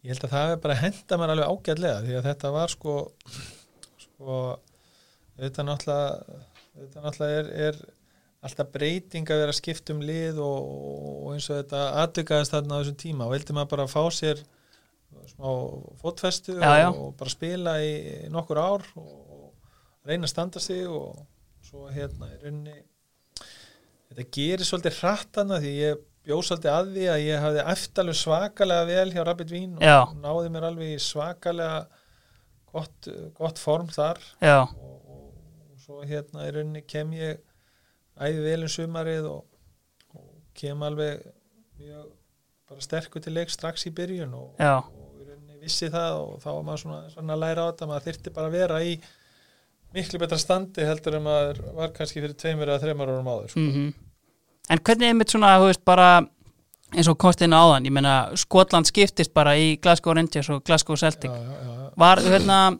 þú veist, ég meina bara að fylgjast með þessum rík var það ekki bara ótrúlegt á þessum tíma Jú, ég sko það er náttúrulega, það er náttúrulega bara magnað sko að upplifa þetta Já. því að það er sko fyrir alveg sama hver það er bara að því að maður er í þessu hlutverki þá, þá er þetta svona eitthvað sem er bara mjög skrítið að koma, koma inn og, og sá ég menna sko ég skrif undir hérna einhvern tíman viku áður en að mótið hefst og, og fyrsti leikurinn okkar var á mótið Rangers. Já og það er náttúrulega vendalega bara hvað Terry Butcher að dekka þig eða? Já, Terry Butcher og Richard Goff. Já, og svo var sko voruð þið með Everton strákana Trevor Steven og Gary Stevens. Já. Þetta voru í Wilkins á miðinni þannig að þetta voru bara veist, þarna eru menn greinlega bara flikkjast úr enska boltanum bara yfir í, í skoska boltan já sko peningurinn var þar Mhm. og ennsku liðin voru að gefa eftir sko og peningavandræði og þetta náttúrulega voru ekki Európa-keppni þarna á þessum tíma. bara, og náttúrulega bara voru í banni Já. frá Evrópu og, það hafði sín áhrif á, á tekjurnar og, og þá er rauninni nýttu skosklið það sér mjög mikið og, og þá komu mikið af sterkum leikmönnum til Skotlands mhm. og við fengum alveg töluvert góðir rússar það voru góðir pólverjar, það voru þjóðverjar það voru mhm, ítalir já, það voru, svo komu frakkar líka og hollendingar og, þannig að það var alveg og englendingar. Já. Og þetta var rauninni kynntist í alveg sko að, að, þegar ég uh, spilaði hennar fyrsta leika þá er Morris Johnston sem er skoti mhm, Mojo kallaður Já. og hann var hjá Everton á sín tíma Mhm. og var hjá Nant í Fraklandi og er svo að koma aftur til Skotlands Já. og hann er náttúrulega Celtic maður. Og katholiki og hann kemur fram í, í sjónvarpinu einhvern daginn hann og, og í rauninni hann skrifar undir segist þær búin að skrifa undir á Celtic og, hann er í Celtic búningnum með stjóranum og, og allt í góðu. Svo daginn eftir þá kemur hann með Graham Súni sem var þjálfari hjá Reynsers og hann er í Reynsers búningnum og hann er búin að skrifa undir það. Sem var náttúrulega bara alveg þetta menn var hafa vantilega trillst þarna. Já sko, þú getur ímyndað ykkur að það var í rauninni bara borgar löggan og að, að það þurfti bara það var svag, það fór ekki vennilega maður bara í bæ. Glasgow einmitt, en einmitt í hérna ef við höldum okkur bara á miðjumenna, ég meina þú spila náttúrulega með hérna tektum þjálfara úr hérna ennsku úrvasteldinni og, og sigurvera Champions League Paul Lambert hjá Saint Mirren. Var það alveg góðu leikmaður? Já, það var alveg Hann hefur vantilega verið var bara Já. álíka og tvítugur rétt um það bil. Já, og það er nú saga segja frá því, þetta er svona hálgir öskubusku saga með hann því Já. að ég man alltaf eftir því þegar við erum hjá Saint Mirren þá er hann búið með samningi sinn. Já, og það vill enginn taka hann á samning. Nei. Og Saint Mirren vildi ekki framlengja og, og svo hérna kemur eitthvað eitthvað annað skosli, mann ekki hvað var sem að mögulega vildi fá hann. Svo fer hann á træjal í gegnum hérna, umbásmannin hjá mér Norbert Kraft sem að tekur hann á træjal hérna í, í hjá, hjá Dortmund. Já, og þá lendi Dortmund í svona rosalega miklu meðslum mhm, þá var hann að Mattias Samner og, og fleiri sem hafðu eitthvað meðst og, og, og Jörgen Kohler og já, fleiri sem voru þannig og honum er bara, hann er sami við hann í einn mánuð. Já. Eða eitthvað álíka. Mhm, og hann bara slær til. Og hann spila bara alla leikina sem eftir er og verður eurumest og einmitt lokar hann á sítan í ústættaleg mestaradeildarna já, en bara svona, þú veist, góð gæi líka. Já, já, alveg toppnáðungi og bara, bara flottu fótboltamaður einmitt, og hérna áttum, áttum við mitt spiluðum hann, hann var bara ungu strákur að koma upp og, og var bara miklu meirinn hæfileika, hæfileika ríkur, hann var bara góður sko. algjörlega. Og einmitt svona annað, hérna, kannski svona skoti sem að meika það í Európa og náttúrulega Steve Archibald sem spilaði með Barcelona, skemmtilegu karakter. Er hann að koma kannski tilbaka hvernig er þetta? Er hann, þegar hann kemur hérna til Saint Mirren, þá er hann búinn að vera hjá Barcelona einhver áður og skorar auðvitað fyrsta marki sem að Íslendingar sjá live í sjónvarpi í úsleitum Deltabeka sinns 82 en sko, hérna, hvernig kom hann hérna inn í Saint Mirren? hann í rauninni er svona, hann er með tengingu þarna og, og, og er alltaf bara, bara frábær gauður Já, og alveg magna þegar hann kom sko á Bentley með yngabýrstjóra það var hans, ég fyndi sko þegar við vorum á lötu sport hérna við liðan og hann var hérna bara á Bentley bara með yngabýrstjóra það, var mjög gaman að því, nei nei, ég segi svona það var Mm. bara svona típa sko og, og hann, hann æfiði oft bara einn. Já, vildi bara vera einn og sagði bara, sagði bara við þjálfa hérna bara, ég ætla bara að hlaupa núna. Tók bara skokkið. Já, er þú bara, þið bara æfist ákar ég bara tek joggið og svo, svo bara var hérna í rauninni komst hann svolítið upp með það og Já. alltaf bara mega stjarnar Já. og, og, þannig séð en, en hörku spilari mhm og, og markaskorari Já. alveg bara, bara mjög skemmtilegu fýr og kynntist honum ágætlega sko. Mm En einmitt annar Barcelona leikmaður sem kemur hérna er náttúrulega hérna, Viktor Munoz sem að hérna, kannski svona einmitt, maður svona er einhvern veginn alltaf að hugsa en, en síðan hafa fullt af sko svona veist, spænskum, ítölskum leikmönnum fungerað vel í Skotlandi, ég menna og sér til dæmis bara Gattuso fór hérna og, og. Mikkel Arteta, veist, hendaði hérna, Viktor vel í Saint Mirren Já, já, ég meina hann, hann bara í rauninni var svona bara stjórnaði mig, þetta er bara leikmaður með gríðarlega getu og reynslu og, og náttúrulega þekkti það, var náttúrulega að spila úslitalega í Já, já. Arbyrkjörnum á móti frökkum og 84, einmitt. 84, þannig að hann í rauninni var búin að gera allt og reynið allt og, og bara frábær karakter Já. og alveg bara Talaði hann ensku eða? Já, svona, svona eins og Siggi ensku. kannski. Nei, einmitt en líka bara svona, þú veist ert þarna kannski stærstan tíman af þínum ferli í Skotlandi, þú veist, fílaður vel að búa þarna og kultúrun þarna og annað Já, bara æðislegt Mhm. bara, bara í rauninni það er svo marga góða minningar sem maður hefur hérna sko, og, og að fara að spila eh, þarna voru fulli vellir sko, bara alltaf spila svona þrjú á lögatum það var bara það var svona viðbyrð það var, það var svona aðeins að byrja þessi sunnudagsleikir sko, það var svona sem þið kölluðu svona Super Sunday sko, og, og það var í rauninni alveg forréttind að vera að spila eins og á Æbrok sko, fyrsti leikurinn. Mhm, eh, 64 manns.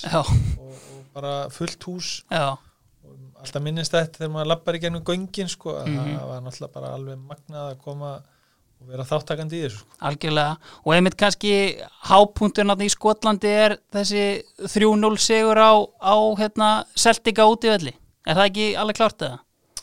Jú, ég voru nú einmitt að rifja upp fyrir mig hérna einhver, einhver að þetta er, þetta er, það eru 30 ár núna sko, Já. byrjun apríl sem, sem, síðan þetta gerðist. Já, og það er hérna, menn er að enn að tala um þetta því að það var ekki, ekki mörglið sem fór á og ekki enn þetta í dag Nei. fara á parkett og, Celtic Park og, og vinna 3-0 nei, einmitt. Og, Þú setur hann þetta með hörku skalla. Það og Paul Lambert setti líka eitt og Já, George Shaw setti þriðja og þannig að, þannig að þetta var þetta var rauninni bara ótrúlegur leikur hjá okkur og við vorum alltaf bara vorum með bara fínt lið. Mhm. Og, og það er alltaf bara segir svolítið mikið um að vinna á 3-0 Já, en er það kannski í kringum það að enska dildin nær vopnum sínum komin aftur í Európa-keppni og síðan átt að stopnum Premier League sem að helst þetta í hendur svona, þú veist, uh, svona þú veist, aukningin á vinsældum og annað hjá enska boltanum og svona kannski niðurfall skotana Já, ég held að það sé alveg rétt hjá þér að, sko enska deildin sem, sem bara stopnun Já. er í rauninni bara vinsælasta deild. Já, já, svo má deilum hvort þú sé best. Já, já, það er svo bara annar handleikur. Það er bara, þetta er vinsælasta deildin og þetta er svona mesta stemmingin. Það er svona þó að, þó að hérna, á þessum tíma þá er Ítalía sko lang fjársterkastir já, eru með svona sterkustu stóru stjörnunar já, og, og eru meðal annars að taka þarna leikmenn á árum áður eins og var sko, Paul Gascoigne, já. Hotel Lazio já, já, Paul Ince fór til Inter og annað, Valencia já, og, og, David Platt. Já, já, og, Ian Russ þess að fór hann áður og þannig að eh, stofnum premjör deildarinnar, premjör líki í Englandi er náttúrulega bara verður til þess að sjónvarspenningarnir koma og fara á full já, og tekjurna fara að koma inn og þá fara menn að geta borga miklu herri laun og, og borga herri transfera og svo er þetta bara svona snjóbolta áhrif já, já, sem verða og, og, og þá náttúrulega líður skoski boltinn fyrir þetta að það vilja allir vill lengi fara að þanga og það verður miklu miklu meiri enduníun á leikvöllunum líka já, í Englandi. Mhm, og meðan skotarnir voru langt á eftir í því Já. eru enn, það er í rauninni þetta þegar maður horfið tilbaka að sjá að þarna voru ég er að spila þarna, þá eru, eru í rauninni bara englendingar sem að vilja koma til Skotlands nákvæmlega, einmitt.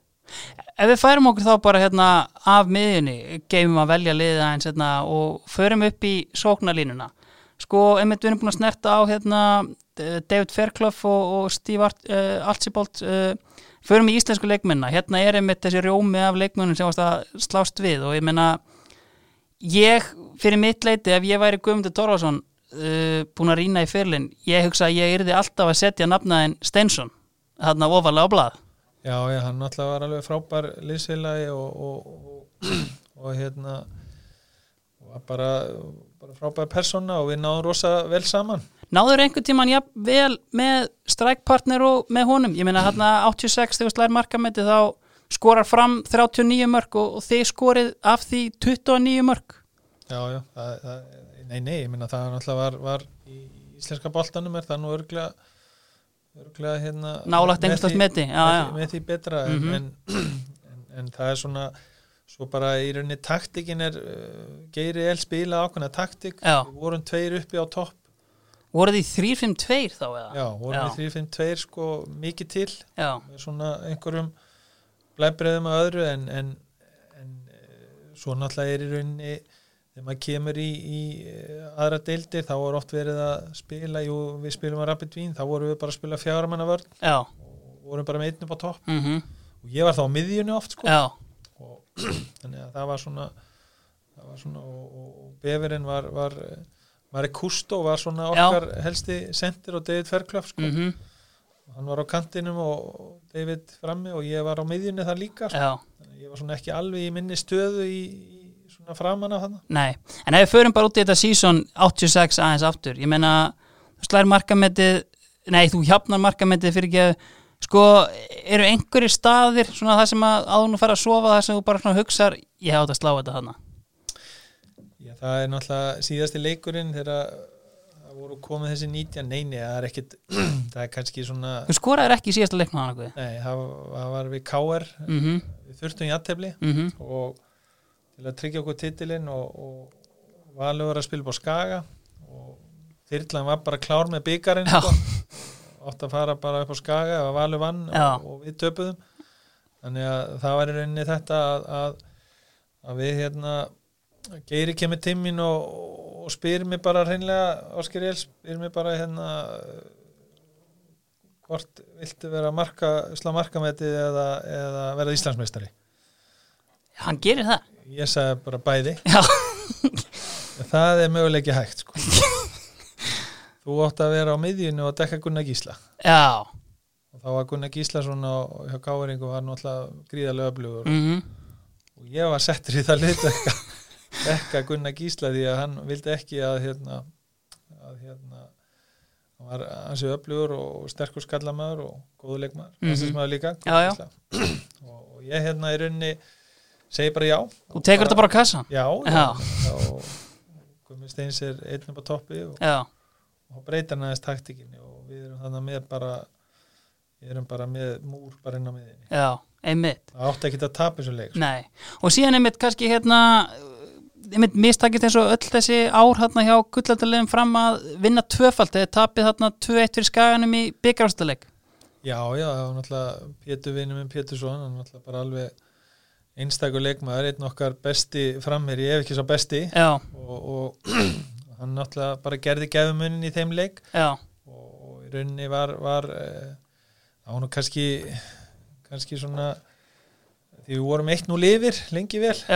Og, og svo hérna bara í rauninni missum við eins og gerist bara í fótbolta. Já. Missi bara tökin. Já, ég minna það bara kom upp moment og Mhm. menn nýta sér það og Mhm. það er bara þannig. Við fengum okkar moment líka þannig að þetta er bara eins og þetta er En ég veist, kannski komið fram á þér en kannski verðt að rifja það upp. Þú varst ekkert eins vel stemdur og hefði geta verið kannski í þessum byggjarstaleg. Nei, nei, það var svona það nú, ég hef nú einhvern tímann komið inn á þetta áður, það var það var alltaf mikil eh, tilhlökun og spila marga úrstaleiki hann að undan Mhm. og, og alltaf tilhlökun að vera já. þá þurftur hann alltaf að sofa vel og kvílaði vel Já, og, og þannig í fjölbíli breiðaltinu og, og það vildi svo til að ég var í þryggjaða fjölbíli og, og það var skipstjóri eða sjómaður allavega sem var á hæðinni fyrir neða mig. Hann var í landi. Og það var bara partí bara framöndir uh, morgun og ég hafði hverki uh, annar stað að venda og, og bara svaf ekkit alla nóttina. Hugsaði ekkert að ringja á lögguna þarna? Jú, löggan kom, Já, hún kom. kom og svo bara var lækkað og svo var bara hækkað aftur og ég hérna í rauninni þetta var svona skrítið en, en vegar hins vegar sko uh, svo ringdi ég bara í geira el bara milli 7-8 morgunin og einhvern tíma þannig að snemma morgunin og sagði bara ég þyrfti að fá að sofa með Já. og, Áttur þá kannski að vera mættur í teorist eða já, eitthvað. já, það var bara mætingana eitthvað snemma og, og ég mætti eitthvað miklu setna en, en svo var náttúrulega bara var, var já, það var bara eins og það var Já, algjörlega. En ég veist, þetta markamett, ég meina, þetta er búið að standa núna frá 1978. Uh, af hverju heldur þetta að getur verið sleið? Þetta er bara öll met á endanum sko, það sögðu nú menn hérna með langstökki Bobby Móni Já, 68 myndi aldrei vera slegið já, stökk met er lengri næsti það bara er slegið og það mun vera slegið þó að líði einhver mörg ára á milli en, en, en hins vegar að þá er þá er þetta bara þetta þetta náttúrulega eru það eru fimm leikmenn núna, skils mér já, já, jú, Jú. fimm. Já. Þetta er einmitt sko, að það sem er svo aðeinsvært þetta er að sko, þetta met er sett, sko, Pétur Péturs, sko, 18 eða 19 ára, sko, setur þarna uh, 19 mörg, slær með heimagun, síðan líða 8 ár og þú, 25 ára, skorar þarna 86, síðan er þetta uh, Þóruður, 92, frekar en 3 og síðan Tryggvi 97, þannig að þetta er ekkert það stuttur tími og síðan líða bara 20 ár þangað til að Andri Rúnar jafnar þetta. Þannig að þú veist, þetta er alveg og það er meiri segja búið að hérna, fjölga í tóliðadeild og allt en, en alltaf stendst þetta og, og kannski bara svona þú veist, finnst þetta ekki fyndið bara svona einmitt á svona, þú veist, kannski þegar þú ert að horfa á íslenska boltan á fyrstu umferðan og einhver fyrir vel af stað og, og þú hugsa með þér, já já, nú hljóta fjölmennarnir að fara að ringja og fá mitt teika á þetta Jú, jú, það er það bara, hérna, verður þá bara þeim með sætara fyrir þann sem slæri þetta. Já. þetta er bara eitthvað er á meðan er og við hérna bara það lítur að koma að því og þá bara, menn það lítur bara að gera, 22 leiki það er bara ekki hægt að en hérna, þú veist, aðri sóknarmenn hérna, ég meina við erum búin að koma á Gumma Steins en síðan er náttúrulega, einmitt, og Pétur Péturs. En síðan er náttúrulega kannski einni menn eins og náttúrulega Arnór Guðjónsson þegar þú kemur hann til Belgíu, er ekki Arnór bara eitt stærsta nafni í dildinni? Jú, jú, Arnór Arnór er náttúrulega bara einn af okkar allra bestu, ef ekki svo besti leikmaður bara sem Íslandi hefur átt Já, á mínum mati. Mhm, og Arnór var náttúrulega bara stórstjarna í Belgíu og er enn. Já, já, og bara er enn það voru fjölda titla sem hann vann til og, og spilaði alveg frábærlega og mjög góði vinnir í dag ég meina þið eru þannig nokkrir, eh, er ekki Raggi Margis líka í þarna á þessum tíma? Já, hann er, hann er svona aðeins fer fram og tilbaka en, en, en Sævar Jónsson var líka hann á Serkri Brugge Já, var mikill samgangur hjá ykkur hérna Íslandingunum? mér og Nóri, já, það, Já. þeir, Raggi var komin heim Já. þarna, sko, Ok, ég fer út og, og svo er hérna náttúrulega bara náttúrulega Áski Sigurvin sem var í standard liðs Já, já, og hann alltaf komið til Stuttgart mm og, og, alltaf bara Arnór samt sko, alveg bara rosa stórt nafn Mhm. og stóð sig alveg frábælega og Já. alltaf leikmar ásins þarna á árunum 87 eitthvað svo liðs, Mhm. 6-7 Já, og, og, og hérna verður leikmar ásins líka þannig að þetta er alveg stóð sig alveg frábælega algjörlega og síðan náttúrulega er uh, góðsæknin í Þýskalandi, Lalli Gum, Lárus Guðmundsson fílar að spila með honum. Já, Lárus Guðmundsson var náttúrulega bara alveg og, og bara einn af þessum allra bestu sko. Já. hann hafði ákveðna eiginleika sem að aðrir hafði ekki. Hann hafði svona, hann var snöggur og hafði ákveðna hérna, tækni til að snúa sér varnamenn mhm, og fljótur. Og, og hérna var, var í rauninni bara frábær leikmar og náði, náði gríðalega langt. Og ekki allir sem að kannski fær ekki kannski alveg, alveg það kredit fyrir það, hann var já. beigamestari Belgíu og Þískaland Þýskalandi, já og stóð sér bara alveg frábærlega sko. Ég kynntist honum sem svona erfiðum uh, þjálfara í neðri deildunum á Íslandi. Var hann hérna erfiðu karakter að díla við og let mikið í sér heyra? Lalli var náttúrulega allir þessir, þessir leikminn ef þú, ef þú ætlaðir er eitthvað í þessu sporti þá þurftir að hafa skap Já, og hann hafði mikið að því. Já og ég held að, held að við allir höfum eitthvað skap því að það, það var ekki tægt að komast neitt öðru sinni að hafa eitthvað skap og, og karakter og vilja. Mm og Lalli var ekkit öðru sig og ég held að margir margir hérna með að taka það til sín í dag að, að, að sína svolítið meiri, meiri karakter og, og, ekki væli við hlutum. Að þú kemur einmitt inn á það, heldur að hafi skipt miklu, eða veist, svona breytingin náttúrulega í dag, veist, til dæmis bara í íslensku deildinni, að þú ert náttúrulega með bara þegar þú ert að spila eins og segir áhuga manna deild. Heldur að hafi verið meira, og þú veist, passion, eða þú veist, skilur, fattar hvað er að fara, veist, heldur en til dæmis í dag þegar, hérna, þú veist, kannski kantmaður sem skora sex mörk í deildinni er allt í hennu komið með 500 skall og bíl.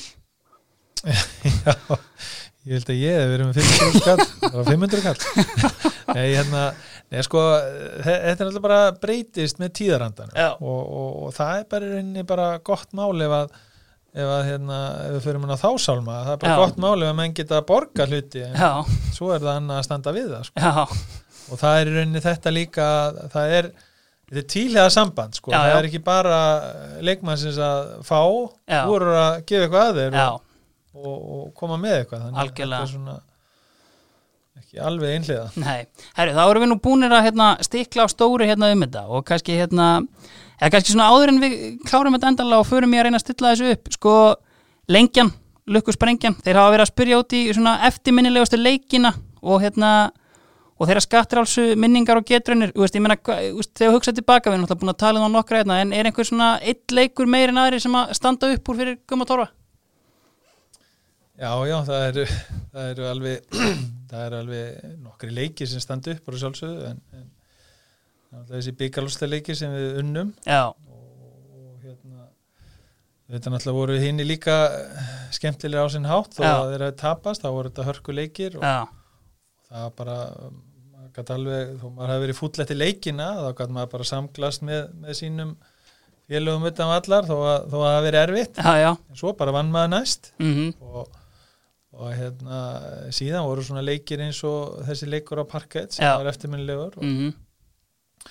Og, og kannski eiginlega kannski svona reynsisleikurinn, fyrsti leikurinn sem ég spilaði þá, þá var ég valinn maður leiksins í þeim leik Já. það er svona stór svona innkoma þá var sko fjölmjölandir uppfyllir af Morris Johnston Já, og hans félagskiptum og, og reynsis alltaf að rúlla yfir mótið sem þeir reyndar gerðu sko Já. endanum en, Mhm. en við unnóði fyrsta leik já þannig á þeirra heimavelli og mm fullu, fullu húsi og það var nefnilega svo fyndið í þeim leik því að það voru sko seltik áhengendur sem mættu á leikin sko reynsins sint mér sem voru bara baula þetta er náttúrulega þetta er það mikil harka í þessu og þeir voru að henda alls konar drasli inn og mönnum. Leikurum að stoppa þeir einhvern tíma minni mig og, og það var bara mönnum vísa frá og eitthvað svona. Að er- síðan eru síðan eru náttúrulega leikir hann eins og við spiluðum æfingleikum Master United. Já, það var svona sint mér en vorum hérna æfingarfernir í, í Englandi og, og við unnum 5-1 já, hvað ára á þetta? Þetta er 90 Þannig útvandalega kljást þarna við Gary Pallister, eða hvað? Já, Já, Ballister og, og Neil Webb á miðjunni og Brian Robson minnum að hafa verið þarna og svo var Ryan Giggs á kantinu, Já. ungur strákur mhm, og var ég með talað um að það væri næsti Joss Best já, á þeim tíma sko. einmitt og við unnum 5-1 Skoraður?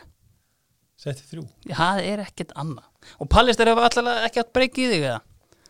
Kannski ef þetta hefur verið kannski á svona erfiðum tímum Hann náttúrulega þekktur einmitt fyrir að vera ótrúlega hraður En kannski á prísísonni ekki, ekki í því eða? Já, við vorum alltaf bara bæðilegin á prísisóni sko, Mm, og þetta já. var að, sjálfsögðu eitthvað blanda hjá þeim en þetta Já. voru samt stórn upp sem voru þarna það var alveg bara Var þetta í Skotlandi eða? nei, nei, þetta var niður, frá. Já, á Trafford bara og já, England, Eng, já, Já. og hérna við vorum við vorum hérna Ferguson í mitt uh, á að hafa lesið í stansi hressilega yfir þeim eftir þann leik sko. Einmitt, bara í minningunni er þetta bara svona eitt af þessum momentum. Algjörlega. Herru, ef við reynum þá að hérna fara yfir lið. Sko, markmaður uh, Sko, uh, ég myndi Sko, ég get ekki gert upp á millið þeirra sko. Nei, það- ég ætla, bara- bara, veist, svo að, hérna, svo að engi verið sár, þá ætla ég að velja partusinn frá Hutteldorf, uh, Mikael Konsel í markið. Sko, ég ætla síðan að fara í áskýri leðina í 3-5-2. Uh, fyrsti maður að blaða hjá mér er Martin Geirsson og með honum ætla ég að hafa uh, rússang, uh, úkrænumanni Gethega Sergei Baltacha og uh, já, ég ætla að setja bara mm, hvort vilt hafa Guðna Bergs eða Sævar Jóns? Ég myndi nú hérna, hafa það báða ef ég geti sko. Ég ætla að velja, ég ætla að velja Gunnar Bergson Sko, inn á miðjunni Þetta er eiginlega langar í vesta vali En sko, þar ætla ég að hafa uh, Pétur Ónslef Ég ætla að hafa Ásgeir Sigurvinsson Og Ég ætla að, ég ætla að hafa Pól Lambert þarna Ertu ósattu við þetta? Já, það fyrir eftir í hverjir eru svo fyrir fram Ég ætla að setja Slatko Krantsjar út á annan kantinn og með honum hinum hann á kantinum Arnó Guðjónsson. Og upp á topp ætla ég að hafa Guðmund Steinsson og Pétur Pétursson. Hvernig hljómar þetta? ég er bara líst Er það ekki? Vel, Já, þá er draumalið þetta allavega komið og hérna, til hamingi með það. það er, hérna, er hægt að hafa alla þessa stráka inni. Já, al, alla þessa stráka. algjörlega. En ég minna ef við förum bara svona, veist, gerum þetta upp. Eh, er einhver svona eftir sjá hjá þér á ferlinum? Er eitthvað sem að, þú veist, hérna hefðir kannski, hérna, vilja gera öðru í sig eða, hérna eitthvað lið sem að kom inn í myndina en, en þú mistir af eða svoleiðis? Já, já, það voru náttúrulega það voru náttúrulega bara á þessum tíma þegar ég var að spila sem best í Skotlandi þá voru einhverja reyfingar og, og það var áhugi og sérstaklega eftir þetta prísísum þegar við fórum hann niður til England þá Já. skoraði ég áttamörk í þremur leikjum Já, og það var hérna á móti ágætum liðum og við hérna það komið þannig alveg uh, tilbóð í mig já, sem ég vissi af. Mhm, og svo reyndar eh, bara beið það í einhver tíma svo reyfi ég liðband crossband mm, þá er rauninni bara dói þetta alveg og ég var náttúrulega ég var náttúrulega bara frá í einhverja fjóra-fimm mánuði eins og gerist í meðslum já, þá hérna svo var ég nýkomið tilbaka þá, þá ég skallað svo illa af Júkoslafa að ég braut á mér alveg kinnbein og kjálkabein og, og allt bara þannig ég lasi mitt um þetta þá bara talaði mitt um fyrirlin bara í hættu Já, jafnir þarna á þessum tíma. þannig að þetta þetta er rauninni svona þessi tvö atvik er í rauninni það sem að setti svolítið strik í reikningin og þið veit að getur ekki að það gerst bara í hjá fótbaltamönnum og, það gerist bara í lífinu að einhver áfæll koma. Já, já, ég sé ekki eftir neinu, þetta var alveg geggjað, þetta var frábært, frábært tími. Mhm, og svona skólun í líka og læra að þekkja sjálfa þig, læra svona að virða líka meira kannski náungan já, og svona þó að, þó að sé ekki allt eins og þú viljir að það sé einmitt. að þá er þetta ekki alls slæmt. Nei, og, og það er svona þetta sem maður tekur út úr þessu og bara forréttind að hafa kynst þessu, öllu þessu sko bara talandi um músík eða feðurasankimnir eða hvað er. þetta er bara svona ákveðið en, en líftími knaspinu manna hins vegar er bara ákveðin mhm, og, og sumir ná lengra í, með ferilinn frá meðslum og, og hefni, spila já. náttúrulega gríðarlega hefnin mhm, þannig að það er í rauninni svona það er í rauninni svona bara gefast ekki upp, Nei, algjörlega. Mjög sáttu við þetta. Já, kannski ef við svona aðeins hérna, þetta er enda verið geggjur loka ég klippi þetta mögulega, en sko hérna, þú veist, þú kemur heim hérna, er ekki 95 Jú, og ferð þá svona aðeins að hérna, þú veist, leika þér í þjálfun ásandi að spila, er það ekki? Svona, hvernig var hvernig var einmitt að koma heim svona í íslenska boltan aftur eftir þessi ári aðtunum það var náttúrulega bara alveg alveg bara frábært ég, sko, ég kem aðeins við í Doncaster Já, einmitt og, og, og fæ þar tilbúð sem eru bara ansi, það, það stóð til jafnvæg að ég myndi framlengja hjá, hjá St. Johnston en, en, svo kemur þarna það voru reyndar einhverja breytingar þar mm. og við hérna í hvað dild er Doncaster hana? Doncaster er þarna í þriðudeld Já. Nefnir, frekar, Mm sem þriði efstu. Já, og, og, og frekar en fjóruðu ég, League 1 eða League 2 já, eitthvað svo já, og ég fæ sem sagt starf sem hérna sem sagt, aðal þjálfari varaliðsins. Og síðan leikmaður með aðalið Mm og sem þarna við við þarna fóraðamenn þeirra. -hmm. fer þarna neyritir og svo er hérna konan, sem, konan mín sem ég kynst þarna hún er ofriska okkar fyrsta barni. Já, og við hérna erum svona báðum áttum og hvort við höfum að skrifa undir þetta og ég, ok, við sláum til og það er tækjara samningu sem ég geri það já, svo bara, þetta gerist bara þarna í lók júli Já. áleika þarna 94 mm og síðan í rauninni erum við svona huga á okkur og koma okkur fyrir og annað og þá bara lendi félagið í þvílegum fjárhars krökkum já, og bara verður ég vissi nú aldrei hvort það var gjaldtrót eða hvað gerðist en allavega það bara bárust ekki greiðslur og ég þurfti að fara í enska knaspundusambandi já, og enska leikmannasambandi og allt þetta og fóru gegnum hérna.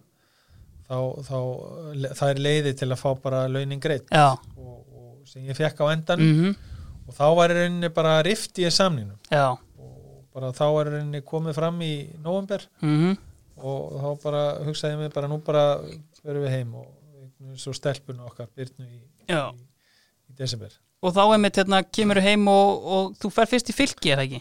Jú, og þá, þá hérna, setti þessi í sambandi mig og ég hérna, var alveg til í að vera leikmaður og var aðstofþjálfari Já, hver var þarna? á Magnús Pálsson flottur strákur og þjálfari og við gerðum fína hluti með lið og fylgir fór upp í efstu deild þetta Já. árið og Mhm. Bara ég minnir að við höfum stiga með þetta ár og þá voru hann að toppmenn í liðin eins og Kristinn Tómasson Mhm. og Þorvaldur Dan og Gunnar Pétus og alls konar. Mm og síðan árið eftir ferði í Grindavík? Já, og þá, þá hérna tekið við bara sem spílandi þjálfari. Já, og þá hafði hérna eh, þeir hafði verið búin að spila held ég e- eitt ár 95, kom, kom upp 94 og ko- voru 95 í eftir deldi fyrsta sinn í Mhm. bara held ég frá upphafi Já. já, og síðan hérna kem ég 96 og gerir þryggjára samning við þá. Já. Og klára þau þrjú ár Mhm. spila með þeim fyrsta árið og, mm og það var í rauninni bara með uh, unga stráka í rauninni því að það voru hann Ólafur Bjarnason mm svo voru fleiri þannig Óli Stefán Flóens og fleiri sem að voru þannig Góða tími í Grindavík, já, já, alveg, alveg mjög, mjög góður. Algjörlega. Og síðan kannski hérna einmitt eh, ertu ekkert að þjálfa þarna 99 en síðan 2000 ferði fram og komin hérna aftur í uppeldisfélagi að þjálfa? Já, það væri rauninni svona kannski full snemt sko, þegar ég hugst tilbaka, maður hefði bara alveg átt að vera í róli heitunum sko, að vera ekkit að fara í sinn gamla klúb þarna, sko. Það hefði kannski verið svona meira kappeldur en forsjá. Já, og, og í svona, maður, það er svona það er svona kannski stuðningurinn var ekki svona eins og maður eh, átti að venjast Nei. í, í, eins og var bara í den þegar maður var að spila mm maður fann það alveg og það var rauninni svona búið að stopna hann einhvern hlutafélag og Já, já. sem að gekk miður vel og þetta var svona í rauninni umhverfi sem var gríðarlega erfitt -hmm. og, og í sjálfu sér hérna bara uh, þannig séð var, var einhvern veginn náðum aldrei flugi og vorum svona í miðja deilds og fallbaráttu og svona og svo sinnaðist okkur og þeir let mig fara þannig og, og, og það var bara í beinni útsendingu í blöðunum Já. og það var í sjálf sér bara ákvörðin einhverja einna, eins eða tvekja manna. Mhm. og það er í sjálf sér bara allt fyrirgefið í dag. Maður er ekkit að erfa það við, við mannskapin Nei, hins vegar sko hins vegar sko hérna bara var ég bara á þeim buksunum bara hætta bara algjörlega þjálfun já, svo þjálfa í ég er hérna í tvö ár Mhm. mm -hmm. Og, svo bara liti ég gott heita. Já og alveg bara saknar ekkert að kíkja á grasið og Nei, gera nei, eitthvað? ég, ég segi bara eins og Lattis að ég fræga skaupinu sko, ég fó bara í háskólan og kláraði viðskiptaræðin Já, fór bara í háskólan og kláraði viðskiptafræðina. Ég, ég held að þetta sé bara fín loka orð uh, Guðmundur Torfarsson, bara búið að vera frábært að tala við þig og, og takk fyrir að kíkja í draumalið. Takk leiðis Þú erum að hlusta draumalið í bóði lenginar